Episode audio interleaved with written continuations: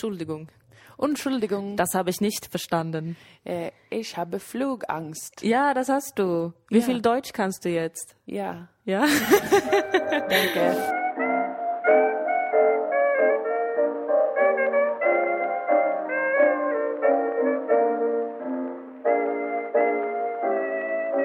Du, eh, du har ju försökt... Eh, hej allihopa, vad kul. Vi har Ja, varit hej. ute och rest och sådär. Vi var i Berlin precis. Ja, nej, men såna är vi. Sån är, sån är vi. Det är en helt vanlig dag på jobbet. Natt. Men du har ju försökt lära dig tyska nu. Ja, via en telefonapp har jag försökt lära mig tyska. Jag har lärt mig säga Wir essen äh, Kartoffel. Ja! Ja, Ja, genau. Genau. Spätkauf. Spätkauf, också något jag har lärt mig. Eh, och även att säga Einsteigen bitte, Ja. som betyder kliv på tack. Ja. Vad härligt. Riktigt många bra uttryck har jag lärt mig på tyska. Ja, jag är stolt över dig. Tack. Jag har lovat mig själv att vara, eh, tala flytande tyska inom Ja. en kort tid. Med hjälp av den här appen då. Så vi får se. Ja, vi får se hur det går. Jag ska Ich försöka- heiße Moa. Ja, das ist wahr. Eh, ich komme auf Schweden. Ja, das ist auch wahr. Ja. Ja. Bitte. Bitte sehr. Vielen Dank. Ja. Jättekul med tyska. Ja, es, es, Deutsch macht Spaß. Ja. Ja, genau. Genau. Es ist ein äh, wunderschönes äh, Sprache. Jag förstår, men jag kan Ja. inte samtala riktigt än. Ja, ich verstehe. Ich So verstehe. bin ich mit äh, Kurdisch. Ich, ich kann sehr viel verstanden, aber ich kann nicht sprechen oder Jag förstår reden. exakt faktiskt vad du säger. Ja. Jag skojar inte nu. Jag är Nej. jättestolt över Det mig är själv. jättebra. Ich bin auch stolz Ja. über dich. Ja. ja. Gud, jag säger säkert jättemycket grammatiska fel som sig? kommer höra av sig om och vara kränkt över. Det får de inte. Men vet ni vad jag skiter i tyska språket? Jag har en spaning om att de fortfarande är nazister, fast lite mer classy Mm. nowadays. Det här baserar jag mest på att de fortfarande dubbar alla sina filmer. Det är konstigt. Vi försökte ju se Bridget Jones Baby i Tyskland, i Berlin. Vi var där i helgen. Ha, var den ju dubbad? Ja. Vi, till och med fast det stod innan att den inte skulle vara det. De Ja. bara, fan vi slänger in den dubbade ändå. Ja, Det tycker jag är stelt gjort det är alltså. väldigt stelt. Men ska vi liksom, ska vi på något vis, hur ska vi lägga upp det här? Nu har vi ju inte poddat på två veckor typ. Nej, vi har varit ute på turné. Ja, det har vi. Vad roligt det har varit. Det har faktiskt varit jättekul. Tack så hemskt mycket alla ni som har kommit i Norrköping, Örebro, Berlin. Ja. Eh. Jag var jätteöverraskad över att det var så många människor i Berlin. Tack. Ja. Alltså inte över att det fanns en mängd personer i staden utan att det kom så många på våran föreställning. Personalen var också otroligt överraskad Ja, över att det fanns så många svenskar i Berlin. precis. Så att det blev överfullt i lokalen. Mm. Det var jättekul och det betyder så mycket för oss att få känna oss lite speciella ibland. Att Ja. komma till en överfull lokal till exempel. Jättekul var det. Som i Stockholm också. ja, det Jävla så också. troopers. Det är ni. Underligt. Med tanke på hur mycket vi hatar på Stockholm. Men ändå så dyker ni upp. Och det tycker jag är trevligt och rörande. Det är jättetrevligt. Det har varit eh, faktiskt svinkul tycker jag. Att få åka runt så här. Ja. Även om man blir lite trött Jo, tack. i huvudet. Jo. Alltså jag... eh, Förra veckan var jag hemma endast måndag. Ja. Den här veckan är jag hemma endast idag tisdag. Ja. Eh, Så det är så mycket liksom att åka runt. Men det har gått över förväntan. Jag Mm. har inte varit så stressad som jag trodde att jag skulle vara över att inte få vara hemma. Nej, du har, jag tycker du har tagit det med ro faktiskt. Mm. Du har varit duktig. Tack. Jag har varit borta nu i tio dagar Mm. från mitt hem i Malmö. Och det har varit svårt. Det har varit kul med att turnera, men det har också varit svårt. Mm. Det blev ännu svårare när jag kom hem och såg att en av mina älskade växter har säckat ihop lite. Ja, det var sorgligt. Jag är orolig för Lady Diana, som hon heter. Min dotter Pelago. Den kommer klara sig. De jag hoppas verkligen det, för jag vet inte vad jag skulle göra om hon dog, Moa. Jag vet Köpa inte. en ny. Hur ska jag kunna köpa en ny? Eh, Bara ersätta henne på det sättet? Nej, vet någon vad? Nej, Men hon det klarar har sig. Ja, jag tror det. Det har varit toppen kul. Ja. Eh, en liten sak jag har lärt mig dock är ju att kanske inte träffa sitt ex kvällen innan man ska åka till Berlin och ha en föreställning inför vad man tror kommer bli en lokal med tre personer. Ja, nej det var svårt för dig. Vi- Det var en intressant studie i hur hjärnan fungerar före show. Eh, ja. Att eh, även om, om man ska framföra något som man är säker på hur man ska göra och sådär så finns det en liten latent oro. Och om man då till den adderar en stark känslomässig eh, förvirring Ja, eh, och skräck ja. av att ha träffat ett ex. Nej, Alltså jag tror att jag underskattar mina nerver otroligt mycket. jag tror också det. Jag tror att jag har väldigt mycket nerver inför en show. Det har jag verkligen lärt mig nu under turnén. Jag kan inte sova dagen innan vi har en föreställning. Nej. Alltså då, om jag somnar så sover jag jättelätt och drömmer supermycket. Ja. Som när jag drömde att du skulle döda mig. Ja. Eller när jag drömde, jag drömde om en konstig också robot. Som skulle Orolig. ta sönder min lägenhet. Jag blev väldigt, väldigt orolig. Och sen träffade jag ju också då mannen som krossade mitt hjärta, som vi har nämnt tidigare i podden. Jag har inte sett människan på över ett år. Nej. Tänker det här skulle gå jättebra. Det är väl inga problem. Det är väl jätteintressant att träffa människor från sitt förflutna. Vad toppen, kul, får man prata lite och sådär. Vadå, vi älskar ju varandra. Vi skulle kunna ha en god relation. Helt clueless inför att det här kommer påverka mig känslomässigt ändå. Ja, ibland så tror jag verkligen att ditt rationella, din rationella del av hjärnan får, eh, får lite mer space än den känslomässiga. Ja. Den är lite mer såhär, okej men det, ja okej det är nog bra fast också det, tänk på din rationella del bara, du klarar det här, Ja. det är jättekul. Ja. Och så sen så måste den känslomässiga delen av hjärnan få sitt och då är det bara att man är svin eh, under ytan. Alltså jag fick ju migrän för första gången i mitt liv. Efter att jag hade träffat honom och samtalat om vår relation. Det tycker jag också säger något om kosmos. Ja. Och att kosmos ser oss ständigt och påminner oss om vad vi ska ha och inte ha i våra liv. Ja, och Det kroppen var minns. superintressant. Det är min, Kroppen min nya minns. catchphrase. Att Oj, kroppen oj, oj. minns. Eh, köttet kommer ihåg vad som har hänt. Ehm, Ja, men och köttet måste ju komma ihåg vad som hänt. För att jag har ju liksom släppt tillbaka, nu är det inte att jag har släppt in honom i mitt liv igen, det här är ändå en annorlunda situation, men jag har ju liksom alltid med den här personen gått emot allt som är rätt och riktigt, alltså mitt eget omdöme. Och då är det som att liksom eh, min kropp nästan måste påverkas för att jag ska förstå att det här inte är en bra idé. Den bara skriker på att få bli lite sedd. Ja. Din själ. Och bara okej, du kan inte tänka annorlunda kring den här personen. Nej men vad bra, du går emot allt. Nej men då får vi helt enkelt straffa dig kroppsligt. Du har migrän nu och jättestark ångest. Ja, en annan gång fick jag ju jättekonstiga blödningar. Ja, just det. Efter att vi hade börjat träffas igen. Jag, jag tror verkligen att det är en signal om att känslolivet vill ha sitt Ja, jag också. tror faktiskt det. Med lite mera varsam hand vill det bli Ja. förd här i livet. Det tror jag absolut. Men det där med, det- med det rationella är också intressant, för det var en grej som, som jag eh, tänkte på efter att jag hade träffat honom och som jag tänkt på tidigare också. För att eh, eh, det satte sig ganska starkt hos mig. För att jag sa, jag tror jag frågade typ så här, ja men nu har vi inte setts på över ett år. Tycker du att jag har förändrats på något sätt typ? Ja men, nej, men du är så himla stabil. Du har alltid varit så himla stabil och liksom du verkar bara vara en person som har liksom allt på plats och sådär. Och det, så känns det fortfarande. Och sen blev jag jätteledsen över det. För att det är ju jättetragiskt egentligen. För att det är jag ju inte, eller jag är väl en stabil person men, men jag är ju också en emotionell rollercoaster. Och då blev jag så himla stressad över att folk i min närhet kanske inte förstår det. För att jag har ett, ett pokerface som är eh, nästan dåligt för mig tror jag.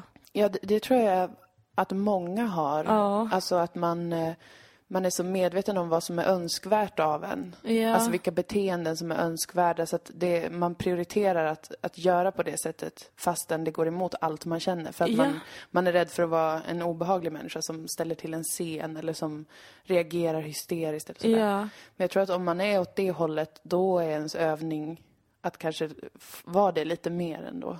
För Ja. att annars så trycker man bort det där och sen så sprängs det inom en och så är man jätteförvirrad bara och ledsen typ och, och allting måste, allt finns ju redan där. Det enda som skiljer sig är hur man och när man låter det få finnas. Men det är så svårt, för att ofta förstår ju inte jag heller det själv.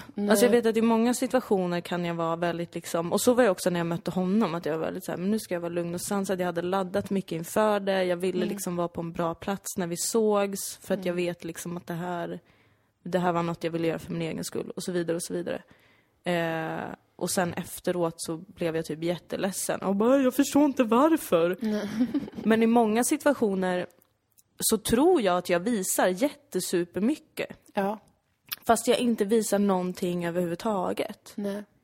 Och jag vet inte riktigt hur jag ska, vad jag ska, hur jag ska, jag får jobba på det helt enkelt. Det är allt jag vill ha att säga till er, alla som lyssnar. Ja. Jag lovar er att jag ska jobba på att framstå som lite mindre stabil.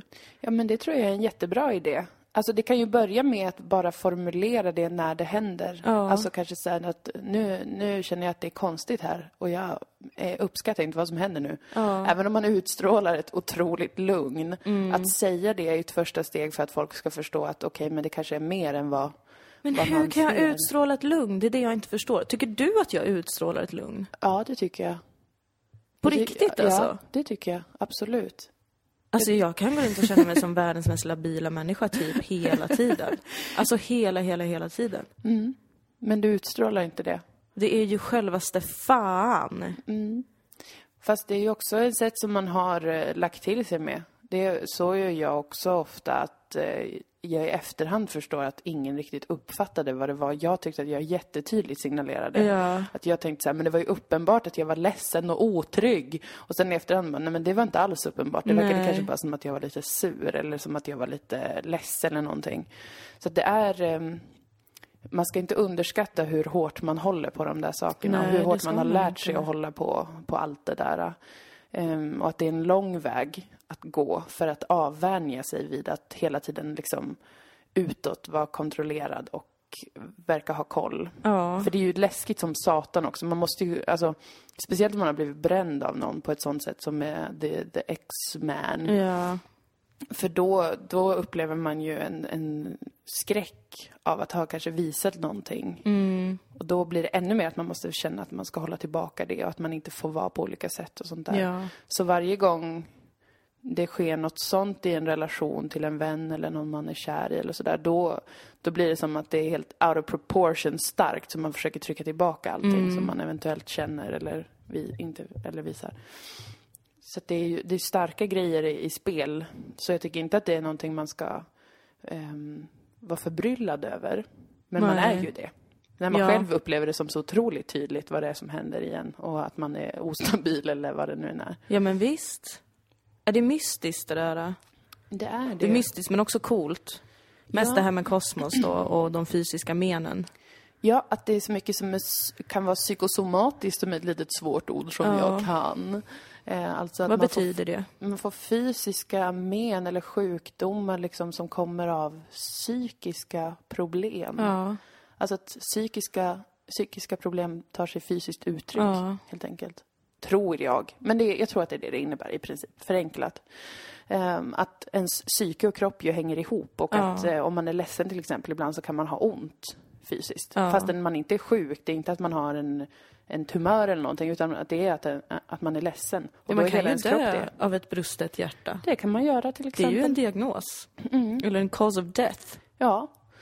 Så det är man enligt en magisk manik alltså på det sättet. Man kommer fan aldrig undan någonting. Det tycker jag ändå är Nej. en lärdom i den här åldern att om, jag har i och för sig aldrig trott att man kan göra det. Nej. Men det verkar ändå vara många som tror att om man inte eh, liksom erkänner vissa saker med sig själv eller inte liksom undersöker dem så försvinner de. Men det är ju smärtsamt tydligt att det inte går. För då får Nej, man typ det en stroke inte. i så fall kanske. Men Men där tyckte jag att jag efter den här upplevelsen fick ännu ett bevis på att, att det faktiskt funkar att gå in i de sakerna. Alltså det är som att den här perioden i mitt liv nu är KBT. Har vi pratat om det innan i podden? nej, bara IRL tror jag. Ja, att det är som att allt jag lärde mig när jag faktiskt gick i KBT, alltså kognitiv beteendeterapi. Hur fan beskriver man det för den som inte vet vad KBT är? Ja, det är väl att man, eh, man får olika redskap för att gå emot sina rädslor. Rädslor som har försatt en i olika typer av situationer Ja. som sen har förstärkt bara sina egna rädslor. Så man lär sig att gå emot det och bete sig på ett annat sätt som sen då ska ge en annan psykisk outcome. Ja. Man lär sig att tänka annorlunda och sen bete sig annorlunda. Ja, För, för att leva mindre destruktivt. ja och typ. inte vara låst i massa skräckbeteenden. Precis. Och det var så mycket som, som ehm, jag liksom fick lära mig typ när jag gick i KBT som jag inte kunde känna riktigt då. Nej. Men som jag känner att jag praktiserar väldigt mycket nu. Långt senare. För att sen, efter att jag hade träffat honom, eh, så märkte jag ju också hur jag... Först var det ju hela migrängrejen natten efter. Sen eh, dagen efter det, eller liksom dygnet efter det, var jag så jävla sänkt.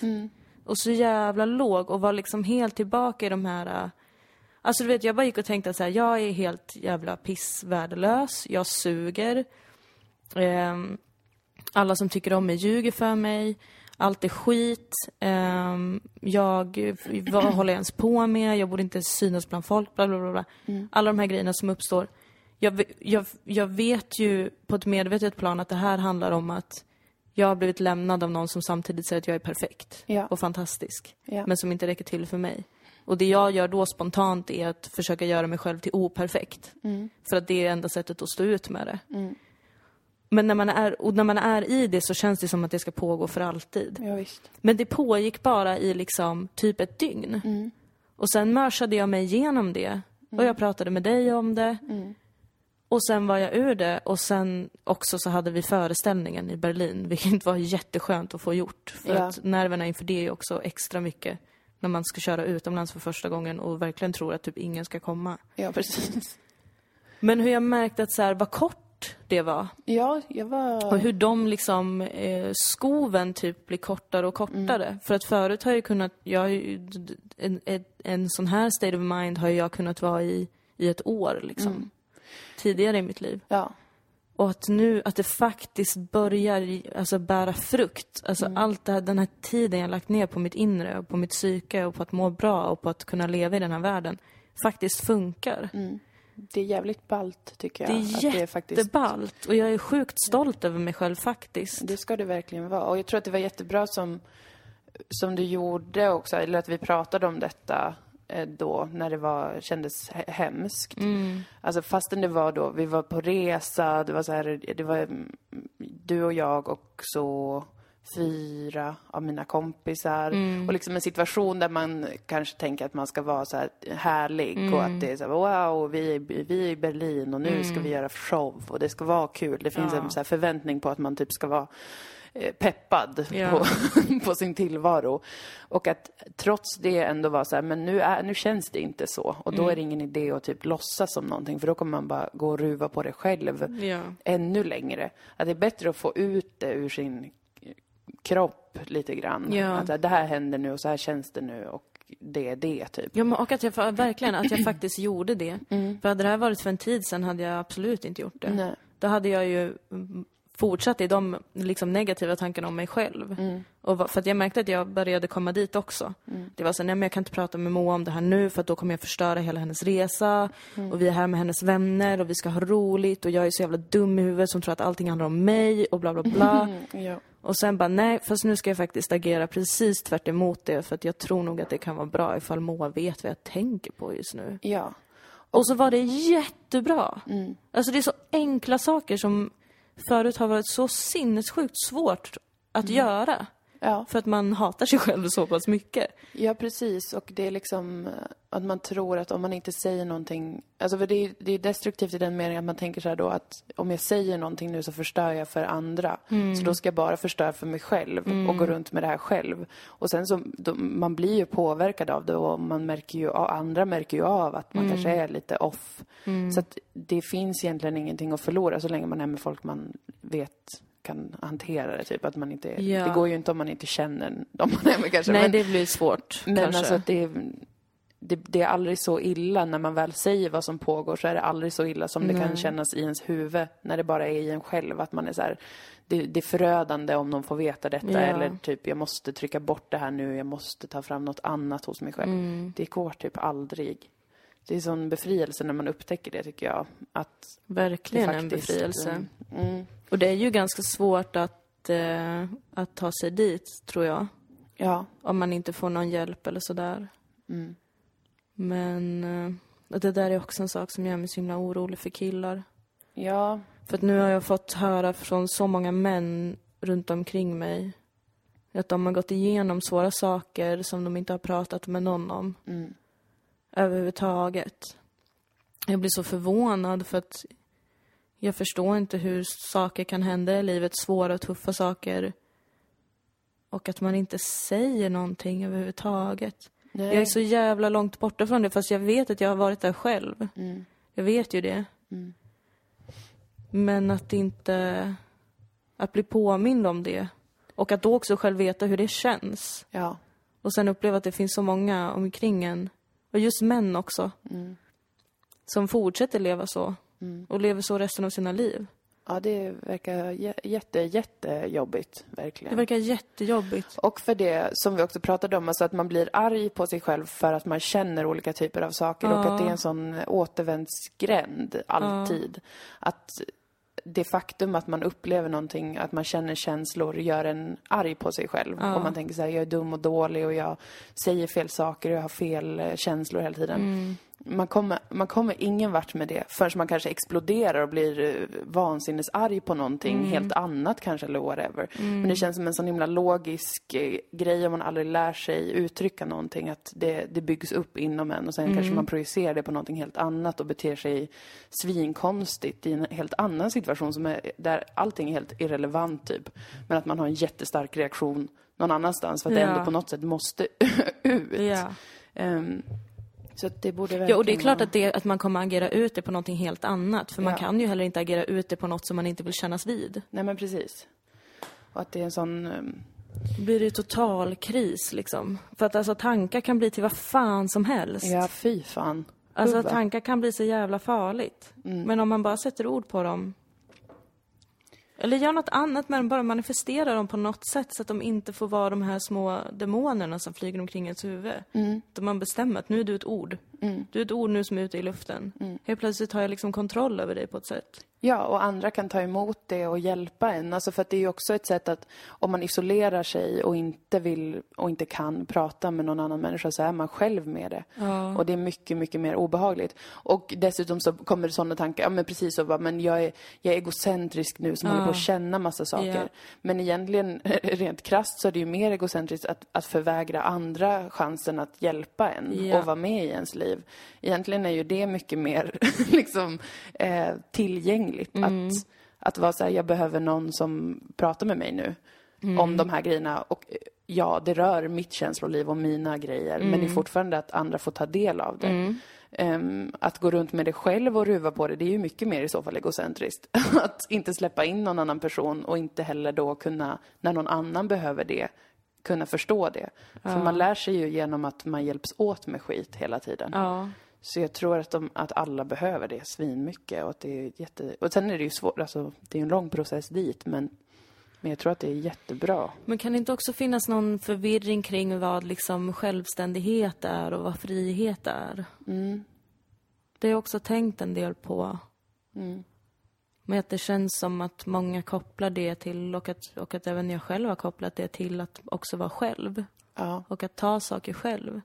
Men att nu när jag ändå har gjort en ganska radikal förändring i mitt liv och släppt in folk på ett sätt som jag aldrig har gjort tidigare. Så märker jag ju att jag känner mig aldrig så fri och så självständig som när jag faktiskt låter folk hjälpa mig. Det är jätteintressant. Jag upplever samma sak. Ju fler personer som jag litar på, som jag kan dela grejer med, desto mer liksom, fri känner jag mig. Fri är ju liksom ett abstrakt, en abstrakt sak att känna, men för mig är det liksom en känsla av att inte vara låst. Motsatsen till att vara fri i liksom en rent subjektiv mening är för mig att vara låst. Och att låsa sig, att inte kunna säga saker, att inte agera på ett sätt som man vill. Alltså att man är så styrd av någonting man inte har kontroll över. För mig är det att vara ofri. Och det enda sättet att motarbeta det, det är att eh, släppa in personer och släppa in andra och dela på det som händer. Eh, dela, dela ansvar. Då tycker jag, då känner jag mig som en självständig person. Det betyder inte att jag är själv om det som händer. Men det betyder att jag inte eh, låser mig själv och sabbar för mig själv så att jag inte kan göra saker som jag trivs med. För det är ju, det gjorde jag Jag låste mig lite den kvällen när vi var ute efter våran show, eller ganska mycket. Det hände inte så himla ofta längre, men det hände jättemycket när jag var yngre. Ehm, att jag liksom efter mycket intryck och det händer mycket saker. Det har varit en sån period nu när jag har gjort svin mycket saker. Jobbat as mycket och rest runt och allt sånt här. Så då vet jag att det alltid finns en, en sån risk, eller vad man ska säga, att, att jag inte kan ta in mer. Jag kan liksom inte, det blir stopp. Och jag låser mig helt. och så var det svin mycket när jag var, var yngre. Att speciellt när jag var med mina vänner, att jag ibland kunde vara så här, det finns ingenting jag kan säga, jag har inga Ja. ord. Jag vill att det ska vara kul och jag vill vara en del av det här och jag vill visa att jag tycker att det är trevligt, men jag kan inte. Alltså en känsla av att så här, jag har inte någonting som jag kan göra just Ja. nu. Och det tycker jag är en, en jättejobbig känsla att ha. Ehm, som, som jag tänker är en sån låsning, helt enkelt. Att man i, i ett tillfälle kanske inte kan... Man är så brydd om att vara tillfredsställande för andra att man blir motsatsen för att man låser sig och inte säger någonting. Ja. Typ, och sitter tyst och bara, nej men det är bra. Ja. Nej men jag är lite trött. Nej men det är okej. Alltså, och det märks och det påverkar situationer. Men det är en väldig känsla av att inte vara fri. Ja. när, det, när det verkligen är som du säger, att det, det, det blir ju bara bättre för alla om man bara säger vad man känner. Ja. Men det är väl också den att man, att man då, och särskilt i sådana situationer där man kanske är ute och det ska vara roligt så att säga. Man absolut inte vill förstöra stämningen och att man då någonstans liksom förväntar sig av andra att de inte ska tycka om en på alla sätt. Att typ, just nu tycker ni bara om mig ifall jag är rolig. Precis. Ja, fast vi tycker om dig lika mycket om du vill att vi åker hem, för då åker vi hem allihopa. Och så softar vi hemma. Precis, det är som att man ibland kan uppleva att ens personlighet är villkorad av olika skäl. Jag vet inte, det kan ju vara olika från situation till situation, men att man plötsligt bara upplever att jag kan inte göra vissa saker för då, då, då förstör jag någonting nu. Och så blir man bara helt tyst typ, eller stel på olika sätt. Ehm, och det gäller samma i de situationerna tror jag att det är lika bra att säga då typ. Nu känner jag som att jag är jättestel och konstig och jag vet inte vad som händer. Men om man inte gör det, då låter man det bara stå på hold. Typ ens egen kväll och lite grann andras också för att alla bara What's up dude? What's going on? Det är speciellt. Det är väldigt speciellt. Speciellt och weird.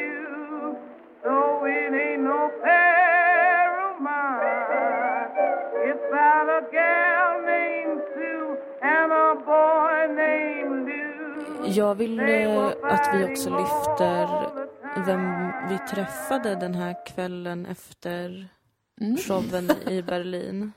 Eh, för det var kosmiskt. Det var så himla tokigt. Alltså, Alltså- vi hade vår show då i Neukölln. På Comedy. Café. Alltså verkligen tack alla ni som kom. Alltså, så jag trodde kul. verkligen att ingen skulle komma. Jag trodde att vi skulle stå där med typ tre, tre Berlinsvenskar som bara ha, ha. Vi kom bara hit för att det var något på svenska. Vi vet inte vilka ni är.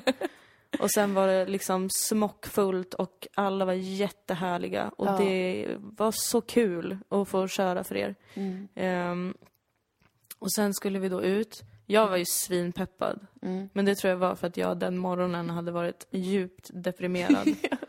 eh, över mitt liv och mitt förflutna. Ja, så när jag bara hade allt gjort så var jag bara så överlycklig. Mm. Ehm, just det, vi gick ju till en indisk restaurang med en underbar restaurangchef. Han var så underlig. Han hade någon grej av att han skulle liksom gissa vilket namnbröd alla ville ha. Ja. För att han kunde läsa kvinnor eller någonting. ja, han pratade om det, att han kunde förstå kvinnor. Ja, och sen som gissade han med kvinnor. fel. Blev lite kränkt. Och sen ville, Ja. kom han förbi då och då. Alltså det var som att han hade klockat, han klockade sig själv. Ja. Och bara, okej när vi var fem minuter in i förrätten så kom han och bara, vi gör den bästa bla bla bla i hela stan. Vi ska nu ha en sån, eller hur? För det är den bästa i hela stan. Ni är lite sugna på det? Känner på mig att ni är lite sugna på det? Vi bara, nej. Nej, faktiskt Nej, inte. Det var som att vi bröt ner honom sakta men säkert under kvällen. Ja. Tills han bara var jättesur på oss för att vi inte bekräftade honom. Ja, han kom och ställde sig vid vårt bord och kollade på sin mobil ett tag bara. Ja. Som för att markera sin närvaro och också ett missnöje med, med oss. Ja, han, han kollade inte sin mobil Moa, han kollade sina mobiler. Han hade två. Han hade två stycken som han stod och scrollade i framför oss, helt tyst, helt tyst i typ två minuter. Och sen bara gled han iväg. Ja. Det var jättekul, men sen efter det så gick vi ut på någon eh, bar. Och Precis. där hände något magiskt. Det var faktiskt jättesjuk slump. För då Ja. satt vi ute, du och jag och eh, Amanda och Sigrid, Ja. våra vänner, och drack en öl. Och så kom det fram en man och bara, kan jag ställa min drink här? Och vi bara, whatever, dude. Så gick han iväg ett tag, sen kom han tillbaka. Mm. Och jag är alltid väldigt fientligt inställd till, eh, Om jag inte är väldigt full Ja. så är jag generellt fientligt inställd till män, ensamma män som kommer fram och ska vara sköna. Ja.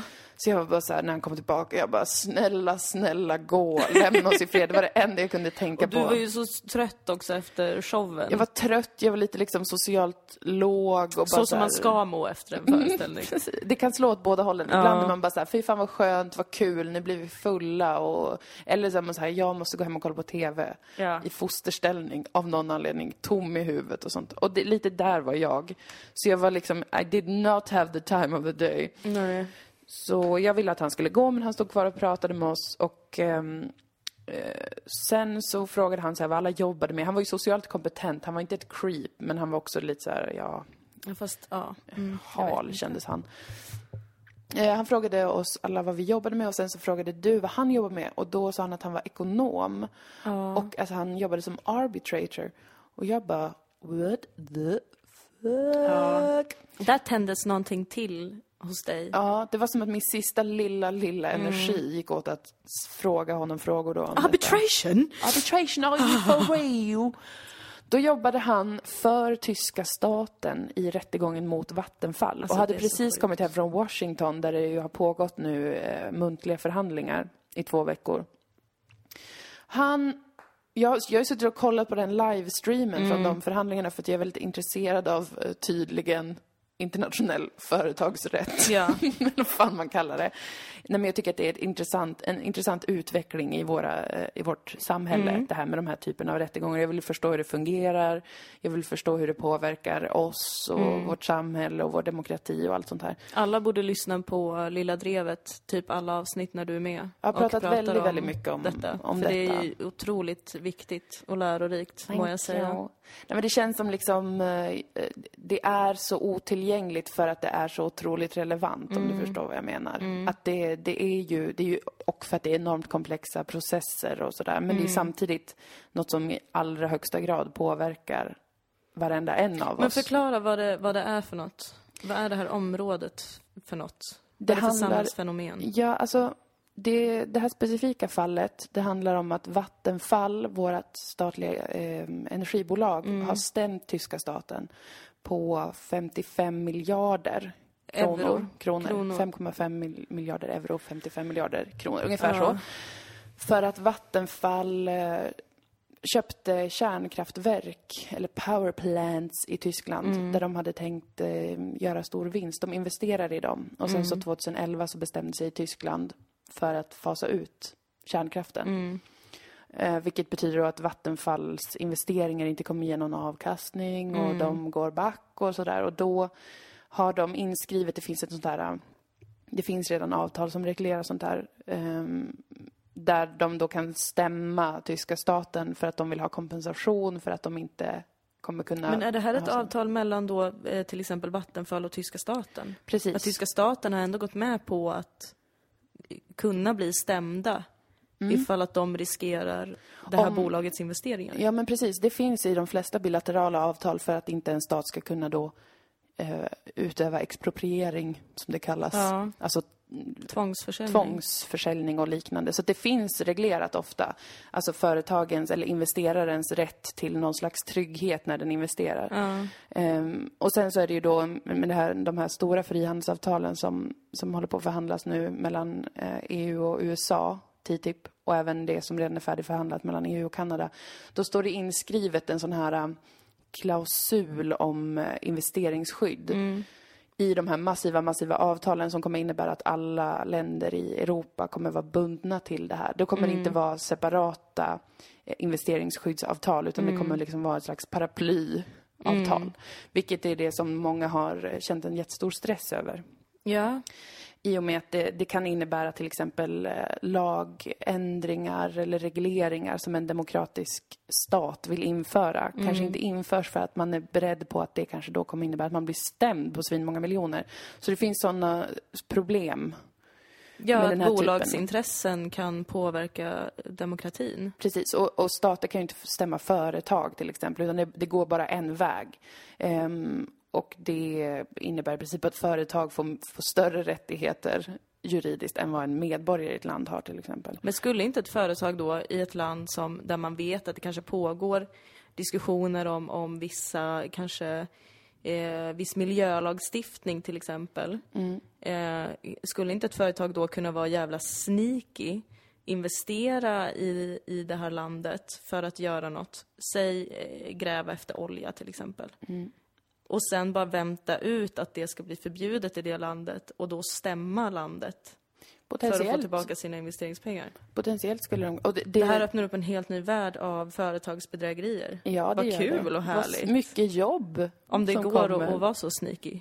Ja, det är säkert, det är säkert mycket, mycket, mycket regleringar kring det där. Men det som är är ju att de här företagen stämmer ju inte bara staterna på sin invest, alltså den investering som har då potentiellt gått förlorat, utan även på det som de beräknar att de skulle ha fått i vinst om det inte hade Ännu försvunnit. bättre. Mm. Ännu bättre. Det är toppenbra. Alltså Vattenfall stämde ju först tyska staten på, eller utgångssumman var 10 miljoner. Mm.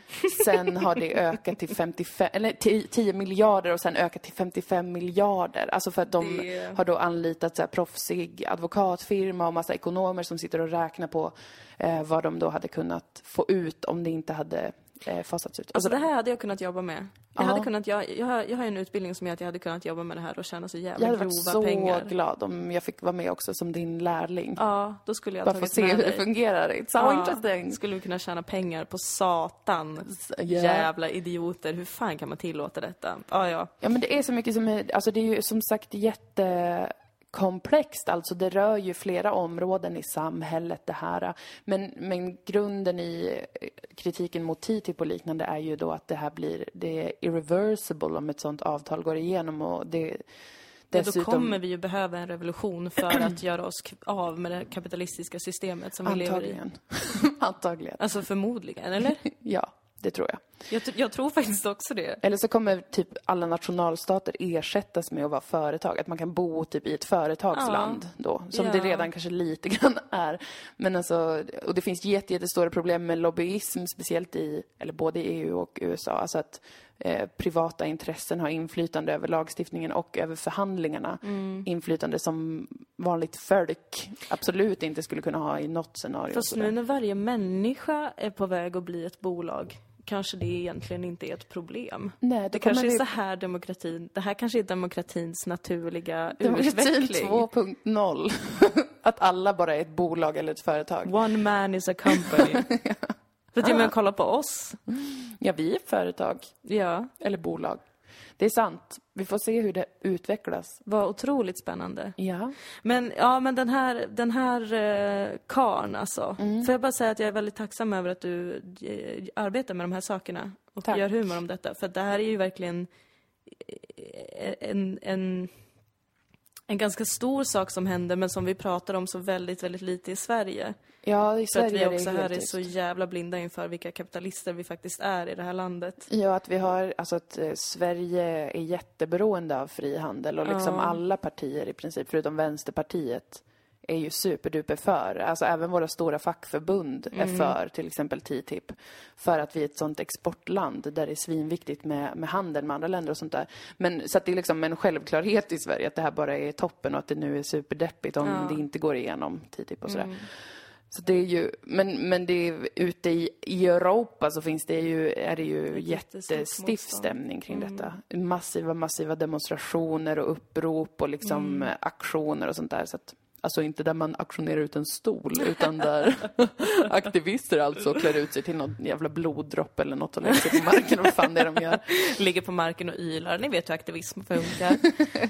Men den här karn som vi träffade, han visade sig alltså arbeta med just det här caset som du följer väldigt intensivt. Anställd som ekonom för tyska statens räkning i de här förhandlingarna med Vattenfall. Så jävla konstig slump. Alltså jag fick nästan ett Per Gessle moment. Där Ja. jag kände bara det här är för surrealistiskt. Varför? Det här är den enda främmande människan vi har pratat med på hela kvällen. Ja. Alltså ute på, på bar. Den enda som har kommit fram. Och han jobbar med det här. Hur jävla fittans sjukt är inte det? Så himla konstigt. Men sen, han vill ju inte prata om sitt jobb. Han vill ju ragga på Sigrid ganska mycket. Ja. Eh, eller bara tyckte att hon var jättehärlig och, hon, eh, och jag ville fråga frågor om hur förhandlingarna går och han bara yeah, it's okay. Sometimes I work for the good guys and sometimes for the bad guys. Jag bara käften! Jag bara, det är inte så enkelt. Jag vill veta liksom nyanserna, jag vill förstå. Eh, så han gav mig ingenting och dessutom låtsades han förstå vad jag menade. Ja. Jag, jag tror att jag hade bättre koll på det där caset än vad han hade. Jag tror verkligen det också. Jag tror att han, han sitter bara inne, han får sina papper, så sitter han och räknar. Han har liksom inga tankar kring, kring det här i, i, i ett större perspektiv. Nej, hans enda analys är att han ibland jobbar för de bra, ibland för Ja. de dåliga. Ja. Okej, okej dude. Och sen var han tvungen att låtsas som att han kände igen personen från Mannheimer Svartling. Ja, för precis. Du, för jag för frågade om han hade dem. träffat dem eh, och, om, och hur mycket de hade att göra med den här enorma ökningen, Ja. alltså av summan som eh, Vattenfall stämmer Tyskland på. Men han bara, yes. Det är en av eh, advokatbyråerna som Vattenfall eh, använder sig av. Precis, en av processen. Sveriges mest prominenta advokatfirmor som också är med i en eh, lobbyistgrupp för att få igenom TTIP och ICS, den här fri eller investeringsskyddsmekanismen i avtalet. Hade jag vetat det när jag en gång var på ett fastighetsrättsseminarium i deras lokaler i Stockholm, Ja. då hade jag ställt mig och kissat på väggarna. jag visste inte det då. Nej, Jag vet det nu, du vet det nu. vad de pysslar med. Ja, de älskar verkligen skydd för investerare. Jag har ett case mot det där som är att om man är så himla ball och håller på med för, och vara en företagare och har jättehög lön som VD då eh, och, och är som verkställande då direktör, tar beslut om var man ska investera då ska det väl finnas ett element av risk. Det är klart att man inte ska behöva att en stat tar alla ens grejer och att alla blir uppsagda och eh, det är olycka i sju år. Men, men man måste väl också, det måste väl finnas en dimension av att jag får alla de här pengarna för att jag tar svåra beslut som kan innebära Ja, risker. absolut. Det är väl det som är deras grej, det är väl det de håller på att tuppar sig om. Varför ska vi ha ett samhälle där det inte finns någon risk för dem? Att de ska vara skyddade på alla områden på ett sätt som inte ens någon människa Ja, men att man anstränger sig och lägger ner så mycket energi för att skydda företag på ett sätt som man inte gör med individer till exempel. Känns ju också underligt. Vad har vi för utgångspunkt i det här samhället egentligen, vill jag fråga. Sen kan jag också känna att Vattenfall kanske bara ska lägga ner. Det går så himla dåligt Ja, men det går inte bra. Det Nej. är inte bra längre. All good things come to an end. Ja. Och det är så här, vad ska de här 55 miljarderna göra? Ni har förlorat över 100 miljarder. De tänker att det ska vara lite upprättelse efter Nuon. Men alltså, han, den här tyska ekonomkillen, han sa ju också att han jobbar för Vattenfall på ett annat case. Ja. Och då utgår jag från att det är brunkolsaffären. Ja. Där Vattenfall sålde sin brunkolsverksamhet Ja. till ett jätteshady tjeckiskt företag, tror jag var. Men det tyckte jag var konstigt. Jag ville fråga honom, men eftersom att han var så engagerad i Sigrid så orkade jag inte riktigt gå in i, i ett samtal. Men alltså, det känns ju konstigt att... För att rent spontant så tänkte jag, men där måste det ju vara något slags jävsituation. För det tänker jag att man tänker kring jurister i alla fall, att du kan inte jobba på ett case för tyska staten mot Vattenfall och sen jobba på ett annat case med Vattenfall. Nej. Alltså det blir ju en knepig situation. Men är ekonomer helt De anses väl vara nästa nivå av objektivitet. Alltså typ att en jurist, tänker man är så neutral och inte har några egna intressen Mm. i någonting utan är lagens man som bara går på det mest objektivt sanna. Och så tänker man att nästa steg är ekonomer. De har inte ens en personlighet eller några känslor utan de är som en miniräknare i en människokropp. Så Ja. därför kan det aldrig uppstå något sånt. de kan aldrig ha ett eget intresse De av ska bara någonting. sitta och räkna helt objektivt. Jag tyckte det var lite skumt att, att han faktiskt kunde jobba på, på båda casen samtidigt. Ja.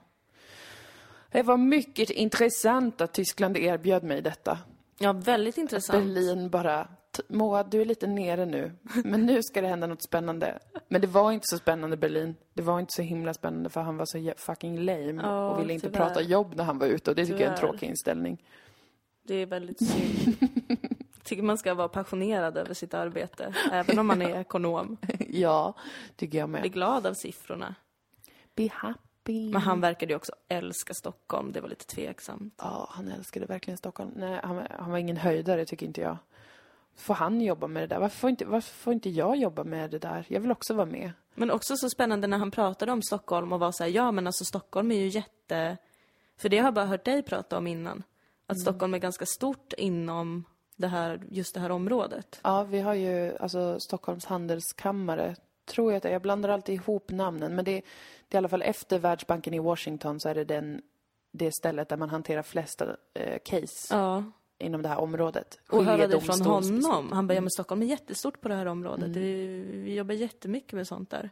Sverige bara... Nej men vad är det för jävla, är vi för falska fittor i det här landet? Alltså jag, har, jag blir mer och mer trött på det. Alltså kan någon bara säga att vi lever i ett superkapitalistiskt samhälle? Eller är Sverige man är liksom... som bubblare. Allt det här sker. Ingen, det ingår verkligen inte i någon slags självbild. Nej. Att, att vi är ett sånt land. Där har ju sossarna verkligen lyckats. Ja, det har de. På det sättet har de lyckats så jävla hårt. Mm. Folk tänker att de är vänster. De tänker typ själva att de är vänster. Jag tror det på något sätt. Så är det ju inte. Nej. Så ser ju inte samhället ut. Nej. Jag är jätteorolig. Jag är inte så orolig. Jag tycker mest det känns skönt att jag kan säga högt och stå för att jag tycker att vi lever i ett kapitalistiskt system Mm. Utan att känna mig som en pretto ung vänstertönt. Ja, vinden har vänt. Nu kan man säga det äntligen. Ja, Yes. jag tror vi måste säga det. Alltså, Mm. så jag är fine med om folk vill leva i ett kapitalistiskt system. Absolut, gör det. Mm. Kör hårt. Bygg då samhället på det sättet. Men säg det i alla fall. Säg att det är det vi vill och att vi Mm. Ja, älskar och att det kapitalismen. finns en ideologisk konflikt, för det har jag tänkt på jättemycket när jag har läst om TTIP och CETA och, och de här, om frihandel, för jag förstår ju, alltså jag förstår eh, varför man vill ha det och sådär, jag förstår vilka intressen som är inblandade, men jag upplever att det finns en eh, att det nästan är omöjligt att prata om det utifrån en ideologisk ståndpunkt, alltså en, en politisk, eh, politisk konflikt, som ju uppenbarligen finns, för jag menar det är ju en, i allra högsta grad eh, lagstiftning och regleringar som grundar sig i en politisk övertygelse om att det här kommer skapa mm, liksom bäst tillvaro och de bästa samhällena. Och jag förstår det, men man kan samtidigt aldrig få liksom ha en, en debatt med det utgångsläget. För att, eh, jag, jag vet inte varför, men för att det ses som en någon slags naturlag, alltså de som Ja, argumenterar men det är för så det här. neutralt. sådär. Det är så Ja, naturligt. Exakt, Det är det är det liksom, som är, allting måste av. kretsa kring företagen. Och allting måste kretsa kring företagens väl och ve. Ja, Att det är hela tiden där vi har vår utgångspunkt i, i hur vi lägger upp vår ekonomi och allting. Eller i alla fall hur vi pratar om det. Och Mm. För det, det så- känns jättekonstigt. Ja. Men det började ju redan med typ eh, Anders Borg, tycker jag. Mm. Hur man behandlade honom som, alltså en finansminister. Mannen som sitter på hela budgeten, som ur ett ideologiskt perspektiv ska fördela de här pengarna. Mm. Behandlade man på nyheter och så vidare som en politisk kommentator. Mm. Som att han satt på liksom neutral och objektiv information och bara skulle informera oss om vad som pågick. Mm. Istället för att vara tydlig med att det här är vad han tycker. Ja, men precis. Det här är vad han vill driva. Det är sånt, en sån listig strategi för att det också, jag har ändå sökt med ljus och lykta efter svar på de här, svar på kritiken Mm. mot till exempel ICS, investeringsskyddsmekanismerna. Alltså hur de som argumenterar för det, vad de har för argument och Mm. hur de svarar på den kritiken. Och jag har på riktigt knappt funnit någonting. Alltså, eller jag har ju hittat vad argumenten för, och jag, men det mesta avfärdas, den mesta kritiken avfärdas med att det kommer inte bli någon skillnad, vi har redan hållit på att ha sådana här investeringsskydd, det kommer inte påverka demokratin eller arbetsrätten eller miljön. Men, men det är ju inte att svara på kritiken, det är ju att vara undvikande och på något sätt också hävda att det är en helt naturlig process och den har inte att göra med en ideologi eller en Ja, och politisk att då strategi. Mm. fortsätta vara tyst om sakernas tillstånd. För att det där är ju på ett sätt sant. Det är inte mycket som kommer ändras. För att det här finns redan väldigt mycket i praktiken. Mm. Nu ska vi väl egentligen mest få större globala avtal som låser fast det här. Precis. Men i praktiken är det ju väldigt mycket så här det pågår. Mm. Att företagen har väldigt mycket makt och att staten gör väldigt mycket för att gynna företagen.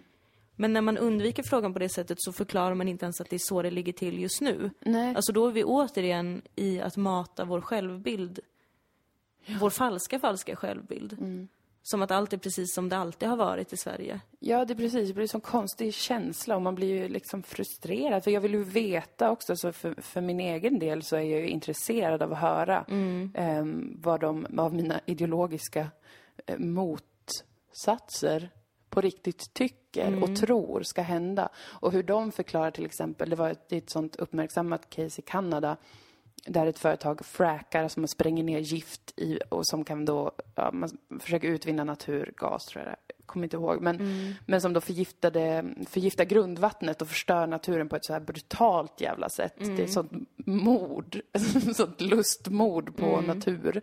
Eh, och så införde, det var i Quebec, så införde Quebec ett mo- moratorium för fracking. Alltså att man säger att det måste upphöra under en tid för vi ska undersöka om det här, har att göra, om det här påverkar Naturen. grundvattnet och så vidare. Då stämde det här företaget Quebec Mm. för att det förhindrar dem att göra den vinst de hade planerat. Just det. Och jag menar, i en sån situation, någon som argumenterar för investeringsskydd och in- eh, argumenterar för allt detta, hur...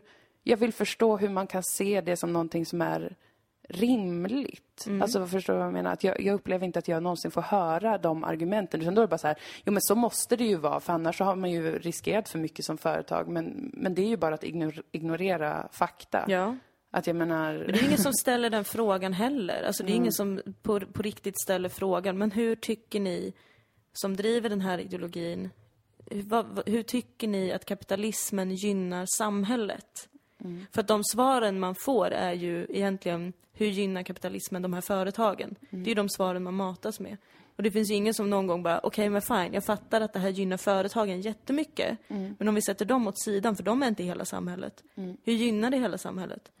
Alltså inte ens frågan ställs ju. Nej. För att vi är helt blinda inför att kapitalismen är så pass etablerad som den är. Ja, alltså det... Då blir man ju någon slags psykopat om man pratar om det, typ. Det är ju lika konstigt som att prata om astrologi, typ. Ja, alltså det är så himla... Det är frustrerande tycker jag. Också att... Ja. Men för att det funkar ju inte. Nej men det är precis, i en sån situation då kan väl, eller där är i alla fall jag jätteöverens med mig själv om att det funkar inte. Att om man ser att ett företag förgiftar naturen och grundvattnet potentiellt, att människor, alltså att stora områden i ett land kommer ödeläggas av deras verksamhet, då är det för mig inte rimligt att deras rätt att göra profit står över samhällets rätt att se, vi kanske inte vill ha detta om det Ja. innebär att stora geografiska delar av vårt land dör. Alltså för mig är det så himla bisarrt att, att jag inte får, alltså hur, hur skulle man kunna vrida det på ett annat sätt? Ja, För det är det jag blir tokig över och jag får aldrig förstå det. För ingen säger någonting. Eller de som argumenterar för bara pågår om hur det är viktigt att företagen eh, har säkerhet för att de skapar jobb och tillväxt och allt sånt där. Men det, allt det har jag förstått. Det handlar inte om det jag pratar om. Mm, nej, exakt. Det det som blir så det känns så halt och obehagligt att inte få veta. Hur tänker man kring en sån sak? Ja. Hur? Och samma egentligen med Vattenfall versus tyska staten, för där, det beslutet de tog med att fasa ut kärnkraften, det var Ja. ganska rash. Och eh, Vattenfall upplever sig vara väldigt överkörda för att de tog det beslutet typ på en dag efter Fukushima-olyckan. Ja. Ehm, och de är oense om vilken typ av avtal det var de hade och vad de hade, om det var bindande eller inte och sånt där. Men faktum kvarstår ju att Tyskland som demokrati, alltså deras folkvalda har ju tagit det beslutet. Att det inte är värt det. Även om, om man sen ser att nej, men det finns ingen risk med kärnkraft, att ha kärnkraft. Ja. Även om det är så, så har ju de tagit ett demokratiskt beslut gällande det. Ja. Och ja, det, det gör mig galen och Det är väldigt vansinnig. kaxigt att då anse sig ha rätten att köra över det beslutet. Ja, och att kräva så mycket, alltså du vet, det blir som en sån bisarr situation. Hade de varit så här, vi, vi, det skulle de väl ha löst från början, att vi investerar så här mycket, då vill vi ha säkerhet för våra investeringar. Mm. Det ska väl vara klart från början. Vad är det för jävla konstigt sätt att komma sen och säga att nu, nu ska vi ha 55 miljarder för allt som Jag tror kunde ha inte varit? Vattenfall mår bra. Nej, Vattenfall mår ju De är inte väldigt bra. destruktiva just nu och det har Oerhört. gått mycket dåligt och jag tror att de bara behöver liksom ta ett steg tillbaka och hitta sig själva. Ja, så kan det mycket, mycket vad vill vi vara. göra? Vad vill vi hålla på med? Ja. Agerar vi mest ut, ut efter vad som förväntas av oss just nu? Vad är Vad vår vill dröm? vi själva egentligen? Vattenfall, Ha vad ligger 55 i miljarder, ja. Ja, Ska vi det åka det. till ett vattenfall och bara tänka? Ja. Oj, ursäkta. Men förlåt för politiksnack. Nej, be inte om ursäkt. Det är mycket- superduper intressant och det är ju jätte, jätte, jätte, jätte, jätteviktigt. Vi måste ju prata om de här sakerna. Jag känner väldigt mycket att vi måste prata om kapitalismen. Jag vill också förstå kapitalismen mer. Jag vill hitta en bra bok. Vi läsa Das Kapital. Ja men kanske. Bitte. Det kanske är någon som lyssnar som har ett, ett jättebra tips kanske på någon bok som beskriver kapitalismen ur en kapitalists perspektiv. Men har du läst Piketty? Ja, ja, åh, Det är så långa böcker ja det är så alltid. långa böcker. Kanske något pedagogiskt för barn kanske. Kanske det finns någon sån... eh, Om, eh, det kanske finns liksom något förlag i Liechtenstein eller Monaco som gör den lilla boken om kapitalism för små barn. Eh, för att det skulle vara så intressant att få... För att jag känner också att jag kastar mig väldigt mycket med, med ord och fraser som jag inte vet om jag använder helt korrekt. Det kan man aldrig veta. Nej. Om för man att i min värld är det ju så att kapitalismen är superbra som ideologi eller liksom verktyg i ett bolag, i ett företag, i när man vill få företag att växa. Men att det inte är en statsbärande ideologi. Att det inte är något du kan applicera på hela samhället. Men jag vet inte ens om jag kan formulera mig så. Jo, men det tycker jag att du kan. Det tycker jag absolut att du kan. Att man vill att eh, marknaden inte ska styra samtliga områden i samhället. Ja. Utan att eh, det ska finnas i så fall en fri marknad, men den är begränsad inom vis- vissa sektorer till exempel. Ja, och att det inte behöver vara så jävla farligt. Det är så jävla mycket i Sverige också tycker jag, när man vill begränsa saker. Konstigt, för att vi är kanske världens mest begränsade folk. Men vad Alltså- dåliga, vi har så PTSD överallt som har varit begränsat innan. Ja. så bara, nej, nu är vi vi lever ju i någon sån här märklig liksom förbudsstat egentligen. Och sen så fort man vill göra inskränkningar i saker, typ begränsa företagens rätt eller typ eh, också med så här hela yttrandefrihetsdebatten. Men Varför vill ni inskränka vår yttrandefrihet så vi inte får säga neger? Man bara fast yttrandefriheten är liksom redan inskränkt på jättemånga plan. Slappna av. Alltså vi blir så himla himla upprörda när man vill begränsa vissa saker. Fastän vi borde vara supervana vid det. Precis, men jag tror att det är PTSD. Posttraumatiskt stressyndrom från tidigare, från Sveriges tidigare politiska historia. Ja, kanske. Kanske.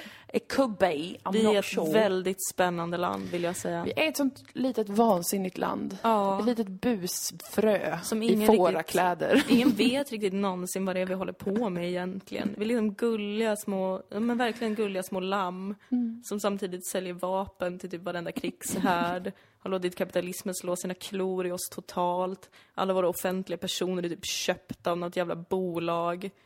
Jag tänker mig Sverige som en sån eh, gammal eh, köpman som går, runt, går runt bland alla rika och med en stor vagn med saker som vi säljer. Som är så undergiven, Ja. men också lite falsk. Ja.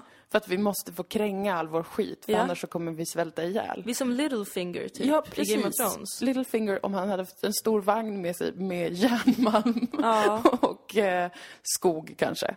Så ser jag mig i Sverige om vi hade varit en karaktär i en film eller tv-serie. Dö, dö. Ja.